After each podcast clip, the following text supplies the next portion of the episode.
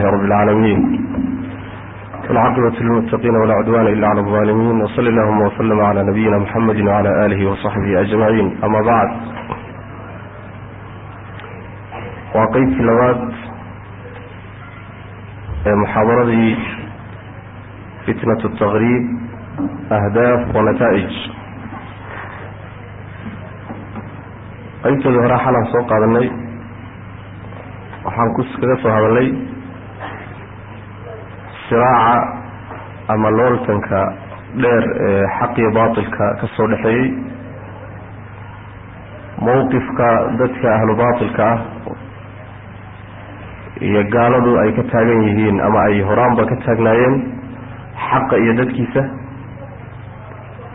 iyo dagaalkii wejigiisii inuu wejiyo cusub la yimid oo qaabab cusub oo loo dagaalamo bini aadamkii bartay. Qaababkaa cusub ee loo dagaalamayo qaab ka mida inuu yahay arrintan reer galbeedeynta ah ama qaadid qaadidood dadka la qaadayo ee waddamada reer galbeedka la geynayo. Dagaalkaas qeyb ka mida ama weji wejiyadiisa ka mida inay tahay baan soo tilmaanay ahdaaf fara badan inay ka leeyihiin waan soo sheegnay. Waxaan soo tilmaanay in dabin la dhigay oy nimankaasi dhigeen si fudud inay ugu dhaceen muslimiintu. Ama soomaali ha ahaadeen ama keyrkood ha ahaadeen. Waxaynu laabnaa inaan ka hadalno nataa'ijta ka dhalatay markii la tegay waddamada gaalada. Maxaa ka soo baxay? Maxaa midho oo ka dhashay? Waa kulankeenna caawa kelimada ku saabsan wey aan kaga hadli doono insha allahu tacala wixii ilahay naga waafajiyo. Marka koowaad natiijada koowaad ee ka dhalatay waxa weeyaan waa diyaacu ddiin waalakhlaaq diintii iyo akhlaaqdiioo lunta. Maxaa yeelay ahdaaftay ka leeyihiin arrintan markaan ka soo hadlayna waxaan soo sheegnay ujeedada ugu weyn iyo istraatiijiyada ugu weyn ee arrinta laga leeyahay inay tahay hadaf diini ah. Hadaf diineed wey hadafkaas marka ilaa xaddi maa waxbay kaga guulaysteen. Dadkii meesha tegay in badan oo ka midana diintoodii waa lumiyeen in badan oo ka midana akhlaaqdii bay lumiyeen. Maxaa yeelay bulshooyinka ay u tageen ee gaalada ah oo bulshooyinka reer galbeedka ah caqiide ahaan marka la yidhahdo intooda badan aqlabkoodu say u badan yihiin waxaan adduunyada ahayn mama rumaysnaba. Waxaan adduunye ahayn rumaysan yihiin ma jirto jiritaan ilaahna ma rumaysna risaalaad samaawi oo xagga ilahay ka soo dirayna ma rumaysna aakharana ma rumaysna. Waxay u rumaysan yihiin waxoogaagaa hortooda ka muuqda basay rumaysan yihiin. Waa xagga caqiidada marka la yidhahdo caqiidada xaggeeda marka caqiidadoodu waa caqiida ilxaadiya waa mulxidiin waay waa mulxidiin. Bal in badanoo iyaga ka mida ilahay jiritaankiisa maba ogolaba marar badan waxaan inaga u haysanaa inay yihiin mujtamacaad yani haysta yani diinta nasraaniyada oo kristan ah. Laakiin xaqiiqadu saa waa ka gedisanta xaqiiqadu waxa weeyaan aqlabkoodu wax diin ay rumaysan yihiin ma jirto. Diin kristanna ma rumaysna tu yahuudeedna ma rumaysna mid islaamna ma rumaysna waa malaaxido wa mulxidiin bay u badan yihiin in badan oo ka mida saa daraaddeed ba waxaa arkaysaan muuqaalada ugu cajiibsanee meesha yaalla waxa weeye kaniisadaha waddamadooda ka dhisan cidina ma tagto. Kaniisadahaasi waa dad la'aan kastam la'aan way sidaa daraaddeed baa in badan oo ka mida way iibiyaan. Muslimiinta qaar badan iibsada. Bahasha inta la soo xambaaro afrikaanka loo keenayo. Ee afrikaankii aad arkaysa sabtidii axaddii inay macnaha waxa weye kaniisadaha ay buuxinayaan xaggaas waxaa lagama yaqaano nimankan bahasha keenhaya iyadoo macnaha ay tunka ku sidaan keenaya waxoogaa dhaqaalaan oo ku garboodaan afrikaan iyo caalam saalis unbaaba laga qaataaba. Laakiin iyagu waa ka ilbixeen. Ayagu waa ka ilbixeen. Kaniisadooda lama tago. Maalinta axadda dad yaroo naadira baa taga. Laakiin aqlabkoodu maba rumaysnaba. Maba rumaysna. Meelo badan oo ka midana kaniisada iyo masaajidka waa isku mid. Kaniisaduna inay yani dirteeda garaacda looma ogola leanna waxa weye bulshaday argagixinaysaa masaajidkana in kor looma aadimo lama ogola leanna waxa way dadkii baa la argixinaya. Kaniisayna hoostaada u aadaan masaajidowna hoostaada u aadaan saas way macana leanna wax diino haystaan ma jiro. Waa say badan yihiin macana walow dawladahoodu intimaa ay leeyihiin intimaa nasraani ah oo diinta ay ku abtirsanaan oo sheegtaan laakiin bulshada marka la qiimeeyo in badan oo ka mida waa mulxidiin aan diin lahayn way maana waa xagga caqiidada waxaa aada ugu faafsan oo waayahan dambe aada u soo kordhaya madhabkan cusub ee meelahanba soo gaadhay oo ah addacwatu ilaa cibaadati shaytaan. In loogu yeedho makhluuqa in shaydaan la caabudo. Waxaan u malaynayaa waa awal mara taariikhda ay soo marto.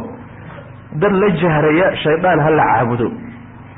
Oo guryo iyo meelo ay ku caabudaan u dhisanaya shaydaan taariikhda markaad dib u raacdo gaal iyo islaamba inuu xun yahayn baa la isku ogaa laakiin taariikhdan dhow dad waxaa soo baxay shaydaan waaba ilaaha adduunka ka jira ha la caabudo. Waa cibaado macnaha gaaladii hore waa caabudi jireen laakiin waxay u caabudi jireen si aan toos ahayn. Kuwani laakiin si toosa waaba u badheedhba macna. Shaydaan ha la caabudo baaba taallaba macna. Marka caqiide ahaan waa sidaas. Caqaa'idoodu waa sidaas. Xagga akhlaaqda marka la yidhaahdana wax qiyam akhlaaqiya oy bulshooyinka reer galbeedku leeyihiin ma jiro. Xagga akhlaaqda way ka aradan yihiin. Waa muflisiin fi lakhlaaq akhlaaq waxaa ah kolbaa majority-ga bulshada iyo meeshay u badan tahay aragtideeda baa akhlaaqda bulshada ah. Haddii qolyahan rumaysan ragga isqaba iyo haweenka isqaba ay iyagu noqdaan aqlabiyada ugu badan bulshada dawladda la soo dhisana ayaga ay ka soo dhisanto ayagu codka u bataan waa in qaanuunka la geliyo akhlaaqda bulshadu inay qaadato mabda'a la yidhaahdo mabda'a khaniisnimada waa saas bal dastuurkooda iyo nidaamkoodao dhan baa wuxuu ku salaysan yahay aqlabiyada. Aqlabiyadu ku salaysan yahay. Sidaa daraaddeed baa waxaa caanka ah oo iska caadi oo wax lala yaaba aan ahayn yani wax walba oo bini aadam ka yaqiiqsado wax walba oo bini aadam ka yaqiiqsado laga yalaalugoodo ayaa macnaha agtooda caadi ka ah. Masale iska macluuma meelahan bay inoogu yimaadaan. Taqriiban laba nin inay isguursadaan mabda'a khaniisnimadu akhlaaqda khaniisnimadu agtooda caadi bay ka tahay. Bal waxay leeyihiin khaniisiintu yacni kanaallo telefishin idaacado joornaallo ay mabda-ooda ku faafinayaan. Bal waxay isku dayayaan inay rasiid uga helaan taariikhdii fogeyd taariikhdii tagtay iyo dadka wan wanaagsan ee nebiyadii iyo inay rasiid uga helaan inuu waxani wax jiray ahaa akhlaaq wanaagsan weligeed soo ahay intaan hadda joogay australia waxay soo qoreen joornaalladu maqaal odhanaya nebiyullaahi ciisa calayhi salaam wuxuu ahaa mid rumaysan mabda'a khaniisnimada. Tacaala allahu cama yaquuluuna culuwan kabiira. Nabiyullahi ciisa calayhi salaam afxumadu caadi bay u tahay. Waxaan dhan taqriiban waa waa mabaadi' yahuudi imlaynaysa waay. Yahuudna caadi bay u tahay inay nebiyada ilaahay iyo rususha caayaan. Daabigooday ahayd macna. Hadda kahor baa waxay yidhahdeen nabiyullaahi luut calayhi salaam gabadhuu dhalay buu la seexday. Kutubtooday ku taalla yahuudda kitaabu tilmuud bay ku taallaa. Yahuud baa marka waxaan imlaynaysa marka akhlaaq xumo weliba ay doonayaan inay daliil u helaan oo taariikhda ay uga helaan macnaha dad uga horreeyey ay u helaan ayay macnaha waxa weeyaan caanka ah oon la qarsanaynin badheedho ah. Bal marmarka qaarkood mudaaharaadiyay ku soo marayaan haweenkii isqabay iyo raggii isqabay baa magaalada intay maalin ballamaan. Baa mudaaharaad lagu soo maraya a calan wey. Wax la qarsanayo ma ah. Saas weeyaan. Waxaa dawladaha qaarkoodba ay yacni socodsiiyeen dastuur odhanaya labada ninee isqaba in qoys ahaan xuquuqdii loo ictiraafo oo xuquuqda ay leeyihiin qoysku leeyahay la siiyo. Labada naagood oo isqabana la siiyo xuquuqda ay leeyihiin qoysku uu leeyahay. Waa ictiraaf kulli a marka. A dawladdu marka dambe say u socoto sa u socoto wayna tarmayaan. Sida la ii sheegay maalinba maalinta ka dambaysahay waa tarmayaan oo waa soo badanayaan. Waxaa dhac laga yaabaa inay gaadho saan idin sheegayba aqlabiyadda iyo sawdka ugu adag inay iyagu yeeshaan dawladdu marka dawlad khaniisada inay noqotoba. Saas way macana leanna codkaasaas sidaa iyagu wax ku maamulaan baa saasa macana marka akhlaaq xumadana midaasi ka gaadhan zinadii inagu aan la yaabi jirnay zinadan inagu aan la yaabnay iyo haweeney isqaawisay iyo laba jidka dhexdiisa isku dhuqdhuuqa iyo kuwaas iyagu waxa wey waaba farda kula carar wey taasi waa fardigula carab saas way macana wax yani caadiyay ka taagto. Tii tan hadda macnaha waxa wey inagu aan ka yaalaloogeyna sheegitaankeeda baaba hadda caadi agtooda ka macna. Akhlaaq ahaan reer galbeedku waa saas. Qiyam akhlaaqi haba yaraatee male inxilaal khuluqiya waxaa ku dhacay ilaa abcadi xad. Ilahi subxana wa tacala su u sheegay in hum ilaa kalancaami bal hum adal xoolo oo kale wey bal waaba ka sii liitaanba. Shaki male xoolaha inay ka sii lianna xooluhu waxoogaa qiyam bay leeyihiin waxay ilaaliyaan baa jiro fitra ah oo ilahi subxana wa tacala ku abuuray. Laakiin kuwani waxba ma jiro. Wax quyuud oo xidho oo akhlaaqiya haba yaraatee ma ay laha macnaha ayib markii bulshooyinkii nooca ahaa mabda ahaan iyo caqiide ahaanna mulxidiinta ahaa akhlaaq ahaanna muflisiinta ahaa markii loo tegey dadkii u tegey hadde waxa weeyaan wixii uu loogu tegey baa laga qaatay. Diin la'aantu marka waxay ka bilaabatay dadkii meesha la geystay intaan meeshanba laga dhaqaaqin bay ka bilaabatay. Intii halkanba la joogay bay diin la'aantu ka bilaabatay. Been badheedho ah khayaano soo meeshan laguma akriyo a yacni waxa weeyaan hooyaday baa waxaan ku kaxaynaya waa xaaskaygii. Akhlaaq xumada ka badan xageed ku arag.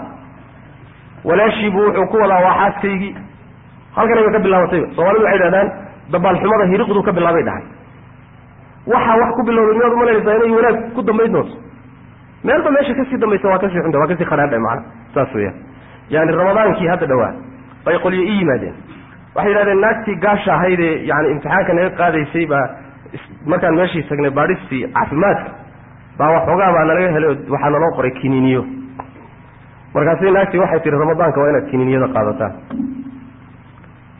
sheekhu maxaan samaynaa maxaad maxaad idinku jawaabi lahayd hadda sheekhu maxaan samaynaa war ma ramadaan baad gaal daraadii u afuraysaan. Qaar waxay dabceen inay yidhaahdaan waa dibaddaan ku soo qaadanayna banaankaan ku soo qaadanayna ee nasi waxay ku tiri hortayda ku liqa micyaal baa. Hortayda anoo idin fiirinaya liqa bay tiri walaxaas arag. Markii laysqaadahayo oo meesha layska qaadayo kaniisadaha layska qaadaa kaniisadaha laysku ururin oo layska qaadayo caadi waxaa ahayd ruuxa muslimka khaasatan soomaaliga ah kaniisada intuu gelitaankeeda inuu u arkaba gaalnimo. Soo saas ma ahayn? Gelitaankeedaba caadi waxaa lagaaga dhigay maadaama kaniisad lagaa qaaday kaniisad gelitaankeedu waa shay caadi ah wey. Dhibaatada male marka diinxumada meesha ka jirta xaggaa intaydan aadinba bal meeshan intaan laga teginba iyo diinxumada iyo akhlaaq xumadu kow tidhi xagga haddii la tegina de wixii jireen baa loogu tegay. Waxaa tagtay soomaaliyo? Rumaysan dhul laga indhala'ya haddaad tagto ishaa laystiraa. Saas way macanaha soomaalidu waa dadka yacni ka dhexbaxa dhaqankoodii iyo caadaadkoodii iyo mabaadiday rumaysnaayeen inay ka dhex baxaan oo ay bedeshaan dadka ugu fudud waay. Bulshooyin baa jira gaalo ah ama muslimiinba ah laakiin mabaadidoodii iyo dhaqamadii afka soo gaadhka hidahoodii iyo dhaqankoodii ku adag. Bal hadda u fiirsada bulshadan hindiga hindida waa bulsho la yaab la wey adduunka meel kastoo tagto gabadh hindi oo layska wato oo saqajaamin wataan inaad aragtahay waa yar tahay. Waa bulsho dhaqan leh oo hiddo leh oo waxoodii macnaha waxa wey ku adag. Soomaali laakiin waxay rumaysan tahay meel haddaad tagto yani waxa weeye dhaqankeedaa la qaataa waa maamaahood meel laga ilaya haddaad tagto ishaa laystiraa saas way macnaha meel say u taallaan loola dhaqmaa. Wahaakada ayagoo sidaaba rumaysanba maamahawda dhaqankoodii nooca ahaa bay meeshii tageen. Khalaas wixii meesha yaallay unbaa marka wax laga qaatay macnaha waxaa intaa dheer bulshadu saan horeyba u soo sheegno xalaytaan soo tilmaanay ta'siirkeeda iyo saamaynteeday leedahay. Ruuxa waxa ugu badanee saameeya waa bulshada hadduu isagoo xun dad wanaagsan la noolaadana xumaantii waa iska beddelaa. Hadduu isagoo fiicnaa dad xun la noolaadoo la darsana waa isbedelaayo xumaantoodii buu qaataa. Saas way macanaa leanna yani marka hore waa laga yaaba marka hore waad la yaabi oo marka hore way kaa soo boodi. Laakiin si tadriiji abaad ugu qanci. Si tadriiji aad u milmi saan horeyba u soo sheegnay. Waxay yidhahdeen soomaalidu yani dariska marka hore waa lagu diiqaa marka xigtana waa lagu daydaa. Marka saddexaysana waaba laga daraa bay dhahan saas way macanaa waa xaqiiqo jirta wey. Waa xaqiiqo jirta. Dariskaas wuxuu yahay baa tahay. Yani ibni aadamku bulshada uu ku dhex noolyahay uu ku dhex joogo unbuu ku diin yahay. Siduu rasulku inoo shegay sal lay waslam almaru cala diini khaliilihi falyandur axadukum man yukhaalil buu nabi uri sal lay waslam saas way macana marka wax walboo darsaaye waa isa saameeyaa. Geeduhu say isu xigaan bay isu xoqaan bay soomaalidu dhahaan.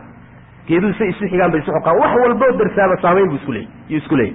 Intay dooniba saamayntaas ha gaarsiisnaato marka bulshadiisaa ahayd markii loo tegey oo dhaqankeedu sidaa ahaa dadkii meesha tegey dhaqankii iyo wixii meesha loogu tegey unbaa ninba macnaha dhiilkiisa darsaday. Nin ka buuxsaday iyo nin dhiil dhiman qaatay ninba waxoogaa waa ka qaatay. Midka ugu fududii waxa weeye midka naagta qaawani ay la noqotay wax nolosha ka mid ah waa wadaadkaas wadaadka sheekhawe maalintii ugu horreysay uu tegey naagta qaawani waa la yaabanaa. Labadan jidka taagana isnuugaysa waa la yaabanaa. Wax yar kadib waa isbedeshay waa isbedeshay waa socotay waa socotay. Maxaa ka macnaa bay gaadhay marka dambe? Maxaa ka macnaa? Waa arrin marka dabiici ah waay. Marka wixii meesha yaalay unbaa taqriiban wax laga qaatay. Dadku marka soomaalidu laba qaybood wey ayagoo hadda tegitaankoodu aada u dambeeyey oo bulshooyin muslimiina ka horreeyey carab baa ka horreysay afghaniyiin baa ka horreeyey hindi baa ka horreysay bakistaaniyiin baa ka horreeyey ayadoo laga horreeyey muddo bulshooyin meeshii deganaa ay jireen. Soomaalida kuwa ugu horreeyey baa labaatan sano ma tolo jooga miya labaatan sano shan iyo toban sano toban sano yaa la joogaa. Waa kuwa ugu horreeyey wey inteeda badanna intii hadda la soo qaxay un bay meesha tagta ayagoo sidaasa yaa haddana waxaa la helayaa qaar kaniisadaha galay oo gaalnimoba caddaystay. Halkan ayba nala joogaan soo ma? A nairobi kuwo kaniisada ku jiro cadadkooda uusan yarayn baa jira. Qaarkood haba ku yidhahdeen anagu gaalada maa wax kaga qaadanaynaa ee maana mabda'a qaadanin. Laakiin nin kaniisad galay hunguri baan ku doonahayaa warkeedu ma jiro.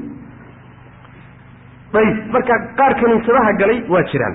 Waxaa la ii sheegayey nin kaniisadda ka aadaamaa la ii sheegay. Mu'adin kaniisadeed nin ah oo soomaaliya la ii sheegay. Isagoo yar baa la geeya lagu isagoo yar baa la geeyey. Malaha waalidkii baa waxay raaciyeen nin oday oy qaraabo ahaayeen bay raaciyeen. Meeshii markuu tegey odaygii wiilkii waa isku dhaceen. Wiilkii qolada dawladdu la xidhiiday wuxuu yihi ninkaati waa i cadaadiya waa laga sii qaaday. Kaniisad baa loo dhiibay. Kaniisaddii baa korisay. Kaniisaddii markay korisayna kaniisad baa loo dhiibtay. Kaniisaddii buu mu'adin ka yahy nin wadaadada ka mid ah wuxuu ii sheegay waalidkii oo degan etoobiya iyo wuxuu yihi waa dhaweydon etoobiya tegey baan hooyadii soo arkay bu wiilka marka waa laga samray waxaa lagu tirinaya macnaha waxa weyaan maaragtay inuu waa horaba dhintay. Maxaa yeele dabeecaddii gaalo u qaatay xataa qaraabada iyo lama soo xidhiidho. Gaaladu ma wada xidhiidho. Halkaasu mar kaniisadaasu ka adimaayo waxoogaa noloshiisa ku haysta. Hooyadii baan marka u tegay wiilkaagii baan soo arkay baan ku idhi way oyday aad bay u ilmaysay. Markay soo markaan soo noqonayey yaa waxaan ka soo duubay bu yihi hooyadiioo hadlaysa oo ooyeysaan u soo duubay buui markaasaan u keenay buui intaan u yeedhay oon soo fadhiisiiyey baan waxaan ku yidhi hooyada wataasi bal fiiriyo. Niyaho waxaad samaysaa. Anaa xataa nooliga bixinaya nooliga anaa raadinaya bal mar uun wadankii tagoo soo booqo qaraabadaadii iyo hooyihii waalidiinta soo booqo. Saa intuu u fiiriyey duuqdiiba ooyeysa. Iyo wuxu ihi fani yacni waa la yaab cajiib. Oo maxay la ooyi buui raashin sooma haysato soma raashin ma haysato wax maxay cunto ma haysato bui maxay la ooyi saasayba ka taagan tahay macnaha marka qaar kaniisadaha gale waa jiraan oo gaaloobay. Waa jiraan oo caddaystay gaalnimadooda waxaa ka badan oo iyaguna jira. Qaar aan kaniisado gelin laakiin islaamnimada ka baxay. Tii kaa yarayd baan soo wadaaye boos ma u haysaa wey kii yaraabaa lumay kii weynaabaa lumay gabadhii baa tagtay haddana waa socdaan haddaa laga sii dabadiraya tanna ii qaada kanna ii qaada hay saa dambaad ogaan doontaa bay soomaaladu yidhahdaan saa dambe ayaad warkeeda heli doontaa. Waa xaqiiqa loo tegi doona wy macana carruurtu marka kuwa ugu badanee lumo ayay ka mid yihiin. Ninkaan hadda idiin sheegaya kaniisada ka aadaamayey hooyaa dirsatay. Nin un baa la raaciyey oday oo la yidhi noo gee australia meeshii buu geeyey. Warkiisana wuxuu ku dambeeyey inuu kaniise ka aadimo. Hooyadii dhibaatadiisa mar dhibaatada marka loo soo sheegana inuu yidhahdo oma waxay cuntay laada maxay la ooyeysa? Maana waa ilmo. Ayib wiil yar oo waxaa jiray ay duuq kaxaysay. Dabcan waxay u ahayd qaraabay u ahayd. Meesha markay ka kaxaynaysay waa lagala taliyey anigu dadkii kala taliyey baan ka mid ah ka daabaan kuhi waa wiil yaroo xaafid alqur'aan ah. Waa nin labaatan jir ah. Masaajidka ku jiraa madrasaduu dhigtaa iskuolkuu dhigtaa aad buu u fiican yahay. Waa la qaaday. Meeshii markii la geeyey oon hadda meesha ugu tegey baa waxaan ku yidhi carruurtii ka warran waxay tihi wiilkii isaga ahaa hal sano austraaliya meeluu kaga nooliya kama warhayati markii ugu horreysa wuxuu bilaabay salaaddii subax inuu ugoogooyo waa u kicin kari weyneyd markii xigtayna wuxuu bilaabay inuu yidhahdo idinlama noolaan karo. Salaadii o dhan bu ka tegey idinlama noolaan waa xaafidkii qur'aanka wey. Ayib dawladdu u tago wuxuu yihi reerkan reeraan la noolaan kara mehe way qasayaane guri gooniya hala dejiyo meel gooniyaa la dejiyo illa waa qaangaad meel gooniya marka la dejiyana warkiisa hal sanaa noogu dambeysay. Hal maalin buu noo yimid bay tihi isagoo socda maalinkaa mobile buu wataa. Intaa yarta uu nala joogo mobilkiisu hal mar laynkiisa ma faaruqayo bu yaa la soo xidhiray mataqaanaan waa maafiyadii wey. Maafiyadii dadkii macnaha daroogeystaya draagiska isticmaali jiray. Qayb aana u tegi doona insha allahu tacaala oo bulshada qayb ka mid a waxaa jira noloshii la qabsan wey oo yani waxa wey daroogada iska isticmaala. Darogeystayaashiibuu ku darmaday waa xaafidulqur-aankii diinta yaqaanay masaajidka safka hore ku jira wey. A ma xaafidulqur-aan bay taqaanaa. Ya abeese aad godkeeda ugu tagtay xaafidulqur-aan ma taqaano wadaad baan ahaana ma taqaano saas way macnaha. Marka ilmihii lumitaankiisii waxaa la ii sheegay. Waxaa la ii sheegay bal uu iga sheekeeyey sheekh mustafe mustafa xaji ismaaciil oo norway ka yimid. Norway bay qisadu ka dhacday. Gabadh soomaaliyeed. Waa qiso cajiib ah wey. Gabadh soomaaliyeed oo reer soomaaliyeed dirsadeen oo u maqan baa waxay ka samaysay norway yacni akhtar camaliya jaasuusiya oo uu ruux muslim waddankaa ku kaco gabadhii xijaab baa loo xidhay indha shareer baa loo geliyey. Waxay doonaysaa operation ay fuliso.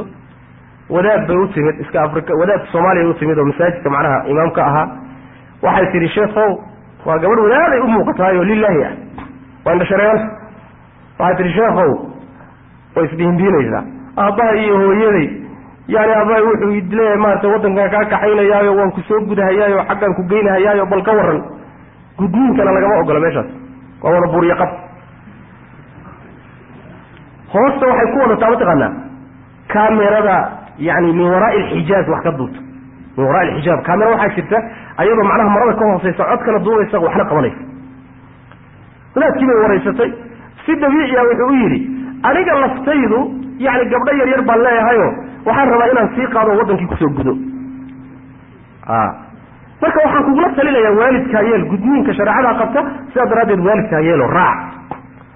Sheekho dastuurka wadankan iyo qaanuunkan iyo shareecada islaamka iskhilaafsana bal ka warran seen yeela gaalada inaan inaan la dagaalano oon khilaafnaa layna amray. Waxaasoo dhan baa laga doobaya saas way macana wadaadkii soomaaliga markii hore u tagtay taqriiban ninkii imaamka masaajidka u tagtay dabcad inay wax ka soo duubto marka waxoogaa uu ka gosqabsaday mid kale marka intay imaamkii ka dhigtay bay macnaha cod ka duubtay. Mid kaloo afrikaanay u tagtay haddana way ka duubtay.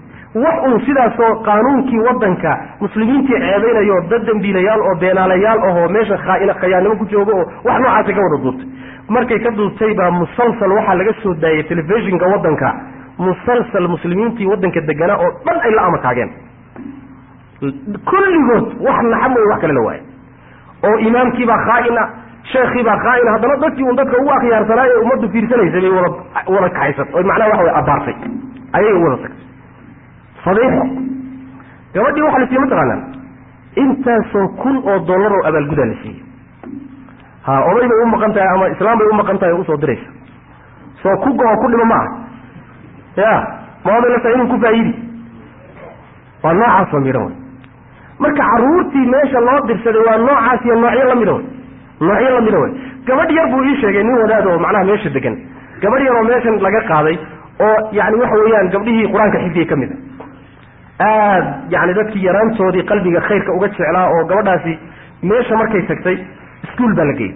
Iskuolkii marka la geeyey salaada waktigeedii markay gaadho heermastaha iyo macalinka intay la hadashay leedahay yani inaan tukadaan rabaa. Waa gabadh yar.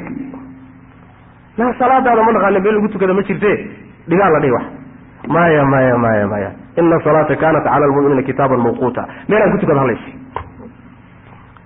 gabadhi yaro meelay ku tukataa la siiyey waa tukatay waa tukatay. Maxaa tukashadii ka dambeeyey? Waxaa ka dambeysay maalin baa say u socotay u socotay gabadhi marka dambe inay duurka gashay. Waa hallowday hooyadeed markay aragtay gabadha inay hallowday wuxuu ii sheegay intay soo qaaday bay soomaaliya keentay soomaaliya dhex keentay dugsi baa la geeyey gabdha ay qaraaba yihiin baa la dhex keenay dugsi baa la geeyey. Markay hal sano dhiganaysa bay gabadhii lambalaayay soo aragtay jinniye isku riday si wadankii loogu celiyo. Wax jinni qaba iska dhigtay duqdii waa adkaysan weyn oo markii la yidhi gabadhii jinni baa ku dhacay intay soo oroday haddana gabadhii meeshii ku celisay. Wuxuu ii sheegay ninkaa wadaadka wuxuu ugu yidhi anoo jid maalin maraya oo baabuur wata. Yaa waxaan ku soo baxay buu yihi gabadhii oo intay qaawan tahay jid garabkii taagan tahay kuwan saqajaamiinta ciyaal darbigii ay macnaha waxa weeye farta gelgelinayaan. Hadihi natiija saas way macnaha. Hadihi natiija waa natiija xatmiya waay natiija xatmiya waay. Marka carruurta lumitaankoodu waa qolada ugu nasiib xun ay meesha tagtay waay. Lianna caqli ku filan male tajribe ku filan male yani waxa weye ma bislaanin garaadkoodu ma bislaanin waxa ugu horreeya isha ku kala qaadayaan mar hadduu fasaadkaa noqdo fasaadkaasaa agtooda qiyam iyo wanaagka ah. Wax kaloy u baxsadaan ilen malaha iyagu. Wax kaloy u baxsadaan ma ay jirto macnaha marka caruurtu waxay noqotay dadka runtii ugu nasiib xun dawaaiftii iyo dadkii meesha la geeyey macnaha saas weyaan muxuu samayn karaa marka? Ilmihiisa ninka uu saa u lumay oo meesha joogaay wax kale uu samayn kara ma jiro. Saas weyaan waa inuu iska murugoodo un macnaha inuu iska murugoodo wey macnaha asbaabta keenaysa marka carruurtu inay lunto waa asbaab fara badan. Asbaabtaa waxaa ka mid a andimada iyo nidaamka meesha ka jira oo awoodda awood xoog badan carruurta siinaya. Carruurtaa waxaa la siinaya sida haweenka o kale bal haweenka iyaga ka awood badan. Carruurtaada iyagaa ku amri oo iyagaa talada gacanta ku haya oo meeshii iyagu ay rabaan waa inaad mariso. Ma edbin kartid mana la hadli kartid. Qaanuunku waxa weeyaan assulta alculyaa ilmahagaa kaa xoog badan. Ilmahagaa kaa xoog badan. Taasi waa mid. Dayibta labaadi waxa weeye labada waalid iyo dadkii ilmaha gacanta ku hayay edbintoodii iyo tarbiyadoodii oo iyadana la daciifiyo. Oo la yidhaahdo ilmaha ma garaaci kartaan si xunu lama hadli kartaan. Ilmihiina la yidhaahdo iskuulka iyo meelaha uu tegayo la yidhahdo haddii si xun lagugula dhaqmo ma guriga see lagula dhaqmaa aabbihi hooye say ku yeelaan ma lagu garaacaa ma lagu canaantaa wax saasa lagu akriyo saas way macnaha marka andimadan meesha ka jiraayo ilmihii oo iska yar oo caqligiisa iyo garaadkiisa usan bislaanin oo dabada laga riixo fasaadka lagu riixo. Labadii waalidna awoodoodii la daciifiyo saas way haddii wax walba ilmahaagu samaynaya waxba kama qaban kartid. Wax walba khaasatan mar hadday gaadhaan da'da qaangaadhka hadday doonaan way kaa guuri karaan waxay doonaan bay samayn karaan. Nin baa la ii sheegay lubnaaniyaan ah oo yani waxa weye gabadhu dhalay. Baa maalin maalmaha ka mid a waxay la timid ayadoo nin saaxiiba wadato meel kale lamayna aadina gurigii aabbay la soo aaday. Ayadoo ninkii ay dhinacyo haystaan ba albaabka soo garaaceen. Ninkii odayga ahaa kiiro buu ishayn waayey iyo masayr. Markaasuu gabadhii bahal dharbaxada u qaaday maxkamad baa la saaray. Labaatan sana lagu xukumay. Labaatan sano xadhigga waa lagu xukumay. Waa xidhan yahy ilmahaaga marka gabadhaada maxaad ninka u wadataa ma dhigid aabbo furaashka idhig haday ku tiraa waa inaad udhigto ama haddaad xishoonayso aad tidhahdo dhigo laakiin intaa wax badan ma samayn kartid maxaad samayn kartaa? Waa kaa awood badan yahy ilmahaagaa kaa awood badan. Ma edbin kartid ma tarbiyeyn kartid waxaa uma diidi kartid awoodda isagaa iskale nidaamka meesha jiraana macnaha waxa weeye u yeelay oo ricaayinaya oo ilaalinaya maxaadaad uga qaban kartaa miskiinkaaga? Saas wey macnaha. Yani ilmuhuna waan ognahay ilmo tarbiye kama maarmo gacan kuhayn kama maarmo macnaha. Saas weyaan yani soomaalidu hore u yidhahdeen ilmo gaalna ma islaamna kolba waa kii lagu dara yidhahdaan ilmo waa muslim hadduu aabihi hooyadii muslim yihiin laakiin waxay cabiraysaa mahmahdu taqriiban. Ilmuhu inuu kolba yahay qaabka loo tarbiyeeyo. Kolba qaabkii macnaha waxa wey loo dhiso unbuu ilmuhu yahay macnaha. Saas weyaan ayib. Wasaaisha kale faraha badan ee ilmaha lagu luminayo ayada xadid walaa xaraj. Telefishinkii baa luminaya oo guriga yaalla waxaa luminaya guryihii xanaanada oo iyagoo yaryar la geynayo meelo yar lagu xanaaneeyaa jira intayna iskuulka gaadhin. Meelahaasi gaal baa gacanta ku hayo fasaadinaya. Madrasadii iskuulkii la geynayey waa meel ilmaha lagu fasaadinayo o laga shaqaynayo siduu ku xumaan lahaa. Hagaagiisaba laga shaqayn maayo. Jiiraankii iyo dariskii waa gaalo. Carruurtay wada ciyaarahayaanay wada sheekaysanayaane sheeka wadaagga leeyihiin waa gaalo. Ayaguna xumaantay gurigooda kala yimaadeen ama bulshada ka qaateen unbay macnaha kula dhaqmayaan adif ilaa dalika jidkii iyo ishiisu waxay ku dhacaysay iyo wax alla wuxuu macnaha ishiisu qabanaysay iyo bulshadii waa wada gaalo iyo akhlaaq xumo wey ilmahaasi xaggee marka wanaag uga imaanaya in weydiiye ha ma ma samadaa looga ma samadaa uga soo degaya wax qalbigiisa lagu lagu dejinaya?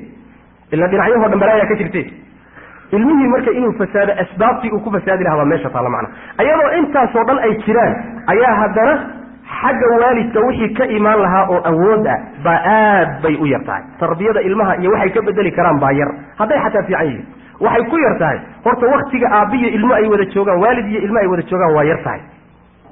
Ilmuhu iskuol buu jiraa meelo ciyaaruu jiraa wakti gaaban oo uu daallan yahay buu guriga joogaa. Wuu seexan. Ayib haddii yani la geeyo meesha qur'aanka lagu barana maalinta axadda waa saacad ama laba saacadood la geynaya khayr uu arkiba iyo tarbiye wanaagsan uu arkiba waa intaa. Inta kale o dhan waa balaayo. Maxay intaasi qaban kartaa marka?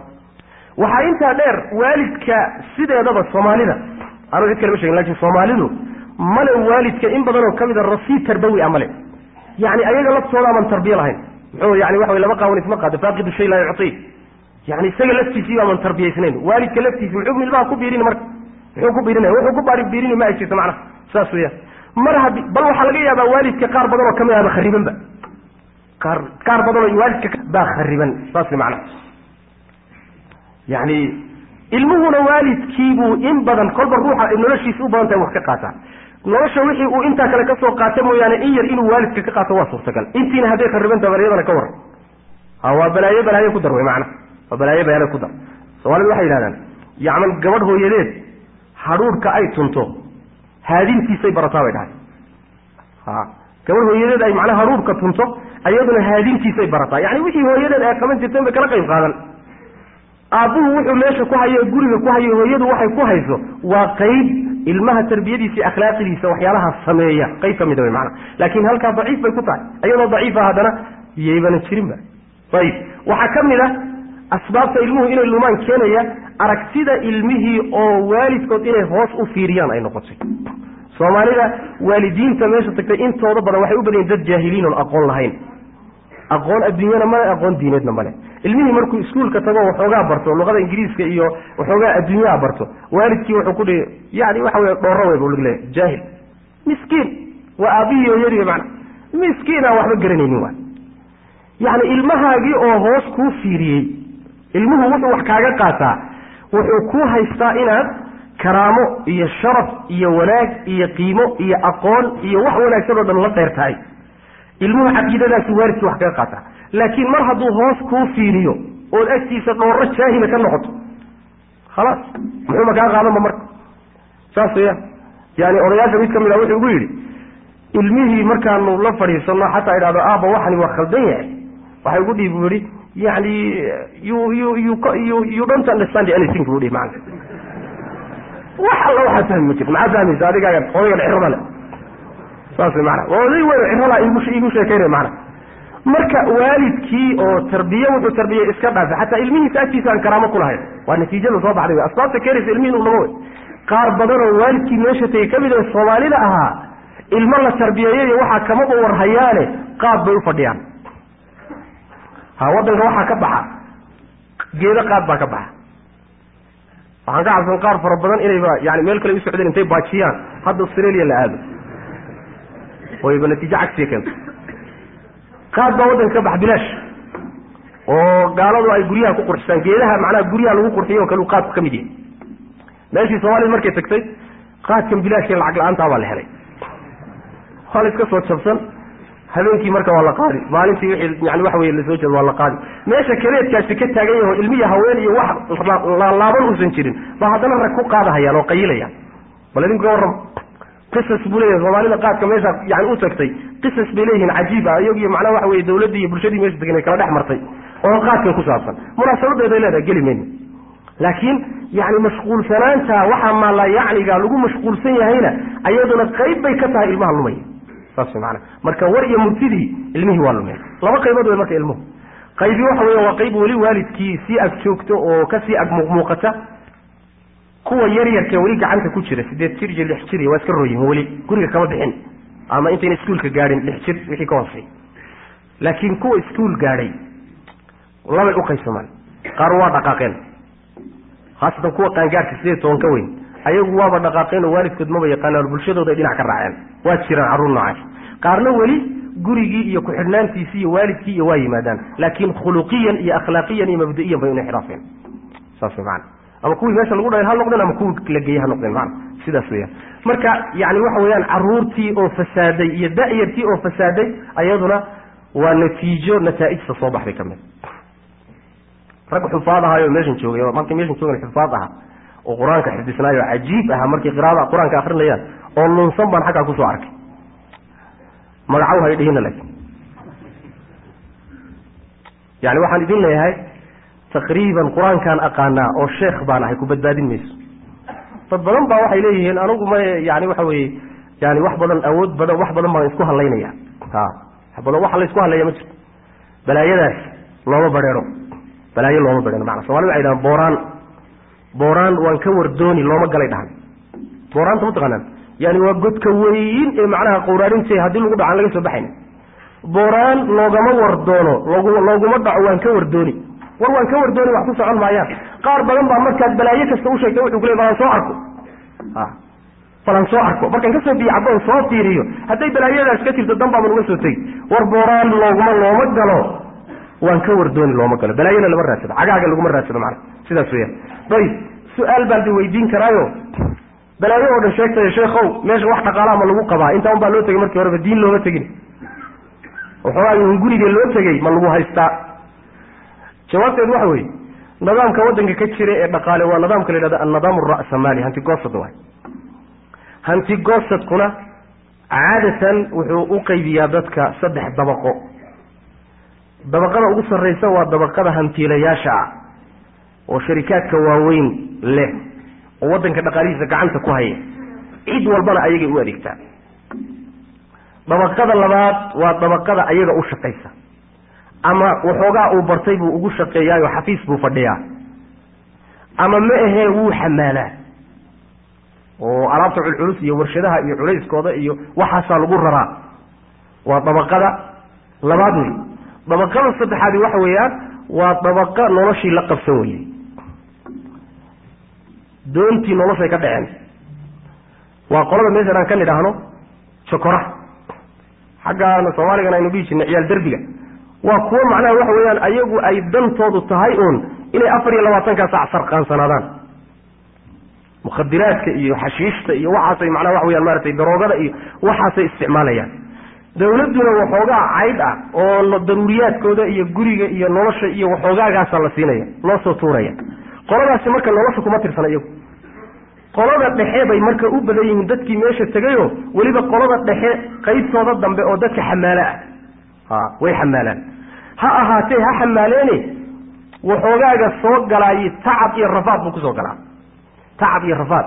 Soomaali baan wahsi ku naqaane meelahaasaan waxaan ku aragnay soomaali markuu waagu baryo salaada subax uu tukado kabaha uu gashado casarka kadib iska furay. Si uu wax u xamaalahayo u kala dejinayo ha meelo taagtaagnidii iyo taqriiban shaxaadkii iyo meeshaa ma jirto. Haddaadan adigu isnoolaynin bas waay sidaa unbaad doonta uga dhici. Marka taqriiban nolol kadxi iyo rafaad iyo waxoogaa lagu soo saaray bay ku nool yihiin.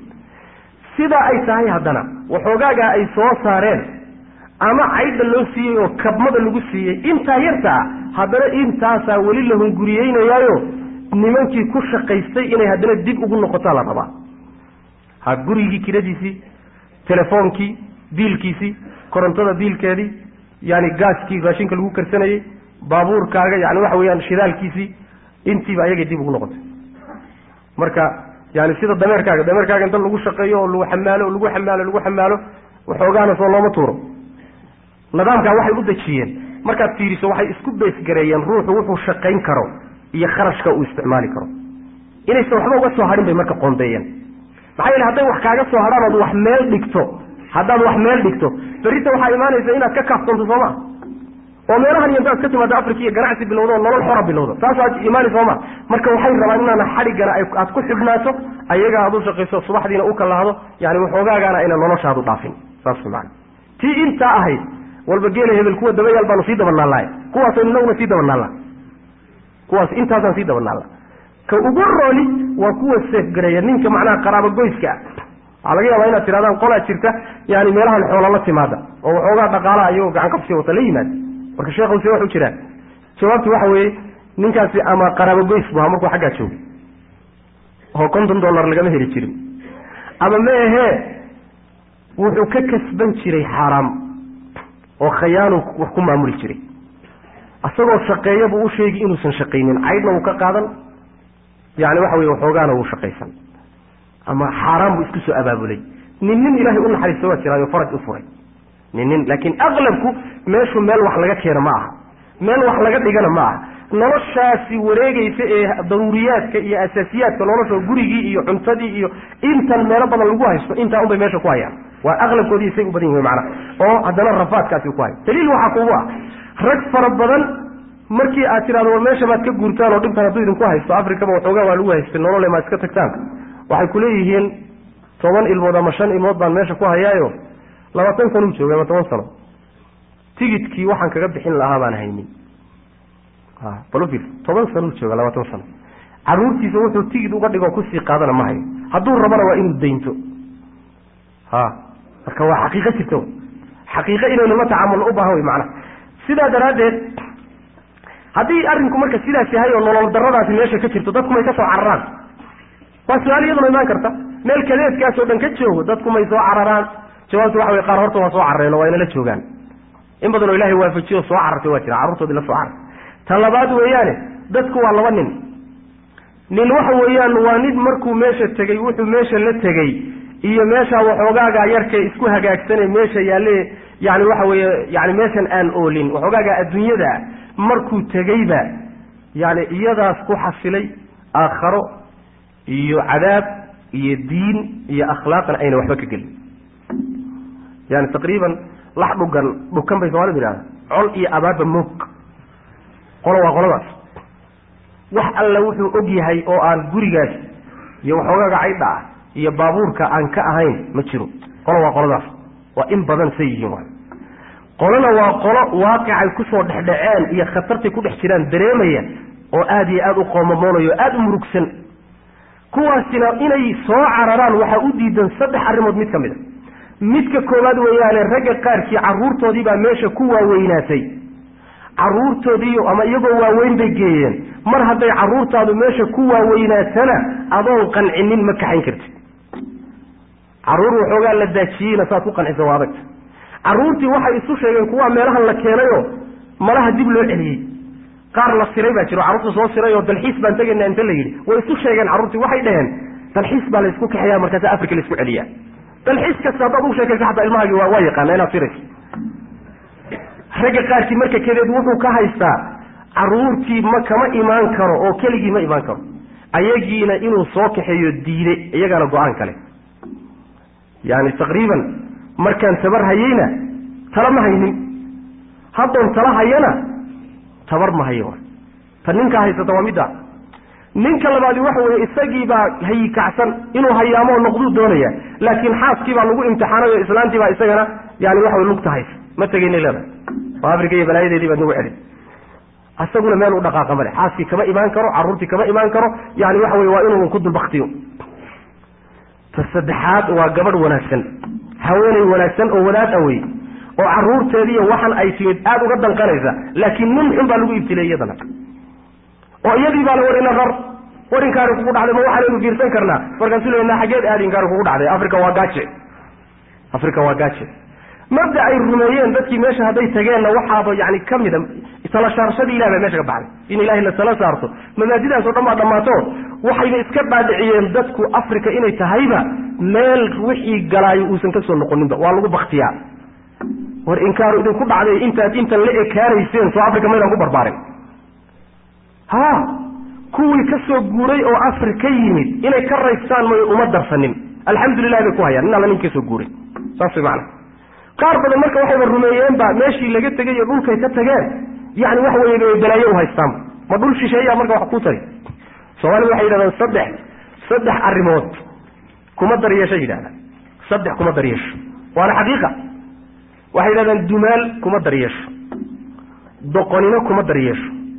Dal shisheeyana kuma daryeelay dhahan caws jiilaan waa lama huraan. Ama ha kuu khadhaaraato ama meel god haddii la galaan laga soo baxayna ha noqoto caws jiilaan waa dhulkaaga. Saas maana waa lama huraan. Isagoo maad ku soo noqon. Tala saarasho ilaahi subxaana watacaala iyo kalsoonidiisa marka yani in lagu qaabilay u baahan tahay waxyaalahaasi marka waa xaqaa'iqda meesha jirta wa waktigaa dhammaaday. Tacliim ma leedahay haddaad idhahdaan waxoogaa dadka waxaa ugu roon dadka waxbarbarta. Laakiin soomaali inta waxbarata boqolkii kow ma aha. Khaasatan australia o kaleeto. Australia o kale waxaa ka jira dawladdu dayn bay siisaa ruuxii waxbaranaya weliba dayn aan dulsaar lahayn baa la ii sheegay. Yani ninkii ii sheegay baa kolley dadkii ii sheegay bay mas'uuliyaddu saaranta laakiin dayn aan dulsaar lahayn bay ii sheegeen. Laakiin soomaalida inta waxbarataay waa farakutiris maxaa yeele balaaya africa ka dhawaaqaysa isaguna walaahow buu ku jiraa soomaali waa wareersan tahay. Inta waxbarataay marka waa farakutiris xataa meelaha jaanisyada waxbarasho ay ka jiraan. Ayib diini ma ka jirtaa diini waa intaan idiin sheegay oo wadaado dhalinyaro oo ordahayo oo qaylihayo waa jira wax daba qabto isle laakiin badweyn baa lagu dhexdhacayo iyadana waxay baajin karaan waa iska yaryahay. Xaqaa'iqaasa marka meesha taalla war iyo murtidii waxa weye dadkii meeshaa tegey mustaqbalkoodu waa majhuul khaasatan dadkii yaryaraaya ama meesha lagu dhalay ama meesha la geeyey iyagoo yaryar. Dadka laba mid mustaqbalka dad ilaahay intuu u naxariisto naxariis ilaahay ay ka daba tagto soo laabto waddan islaam ku soo laabto. Kaasi inay wuxuun u badbaadaan waa suurtagal. Kii laakiin meeshaa uun daysto oo halkaa loo daayaayey mustaqbalkiisu waa maxtuum. Markhaatina waxaa kuugu filan bulsho waxaa ka horreysay soomaalida iyo bulshooyinka kulligood muslimiinta waxaa ka wada horreeyay waddanka australia bulsho islaam oo tagta waxaa ugu horreysay nimanka la yihahda afghaniyiinta afghanistaaniyiinta ugu horreeyey oo waagii ay waddanka furanayeen qolyahan macnaha waxa weye reer yurubka bay la socdeen oo ciidamo u ahaayeen. Waa nimanka geela waddanka geeyey baa lagu yidhi. Waddan yani geel waxaa iska jooga waddanka lahayn ogaadh ah nimankii noocahay afghanistaaniyiintahay afghaanka ahaa mase hal masaajid oo masaajidda waddanka ka mida nin iyaga ka mida ku arki maysa odayaashiina waa geeriyoodeen waxay ku geeriyoodeenba caruurtoodiina waa boqol sano boqol iyo konton laba boqol oo sano caruurtoodiina gaaladaasay ku darmadeen. Waxay ka tageen raad iyo aahaar ah masaajid meel ka dhisan oo iyagana sidii masalan waxa weeye yani guryahan loo tago yani hidiha dhaqanka lagu kaydi o kaleeto museum la yidhaha yani meelahaasoo kale iska noqdeen odaygii ugu dambeeyey malaha masaajidka markuu ka geeriyooday ee gacantiisa uu ku jiro sii dhimanayay buu dawladda hoose gacantooda geliyay. Oo yidhi yani waxa way ku wareeji masaajid noocaas oo qadiim ah baa aasaartoodii ka dambeey caruurtoodii aaway. Waa gaalo cadcad wey gaaladaa cadcad bay ku jiraan. Marka waa masiir maxtuum ah wey ninkaan ilaahay u naxariis subxaana watacaala oo dhulka uusan soo dhaafinin arrinkiisu waa iska cadiya. Marka dadka ha loo duceeyo. Dadkaas war murtidii waxa weeye dadka ha loo duceeyo ninkii ku socdowna iska baaji. Ilaahay tala saarta subxaana watacala risqa ilaahay baa bixiye meel alla meeshaad joogtaba waa kuugu imaan wixi ilahay kuu qoray subxana watacala ilaahay lagu kalsoonaado. Kaydkaa iyo dhagartaa markuu rabbi aada uga soo sheekeeyey gaalada muxuu yidhi xalka muxuu ku tilmaamay? In tattaquu in tattaquu watasbiruu soomaalia laa yadurukum kayduhum shay-a.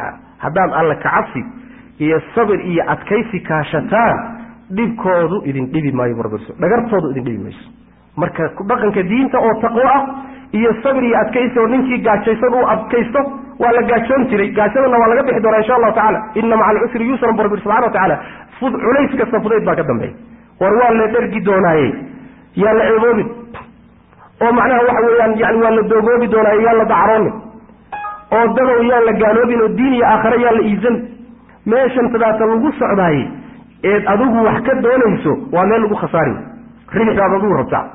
Yani waxa wey adoo ribix raba raasamaal ma lumay bay soomaalidu tidhahda adoo ribix raba faaida raadisa raasamaalkii makaa lumay raasamaalku waa diin. Diinna meeshaa loogu loo tegi maaye wardadow hala noolaado oo rabbi subxaana watacaala wuxuu yihi waalfitnatu ashaddu min alqatli. Haddii lagu dilayo xataa inaad diintaada ka fitnowdo waxay ka daran tahay dilkay ka daran tahay. Inaad lagu dilaa dhaanta. Caruurtaadu inay gaajo u dhimataa dhaanto ayagoo iimaaniya islaamnimo le inay dhintaan adiguna aad dhimataa dhaanto laakiin gaalnimo iyo gaalo iyo wadankood iyo akhlaaqdood iyo mustaqbalkood wardada wax laysku hadlayn kara maa intaa ka badan baan sii odhan lahayn laakiin waxaan u malaynaya waktiguna noo saamixi maayo. Fadhi saddexaadna kuma talageshanin insha allahu tacala laakiin waxaan u malaynaya intaas inay ku filan tahay ninkii doonaya inuu waana qaato. Ina fi dalika ladikra liman kana lahu liman kana lahu qalbun aw alqa asamca wahuwa shahiid ilaahay baana anficidda leh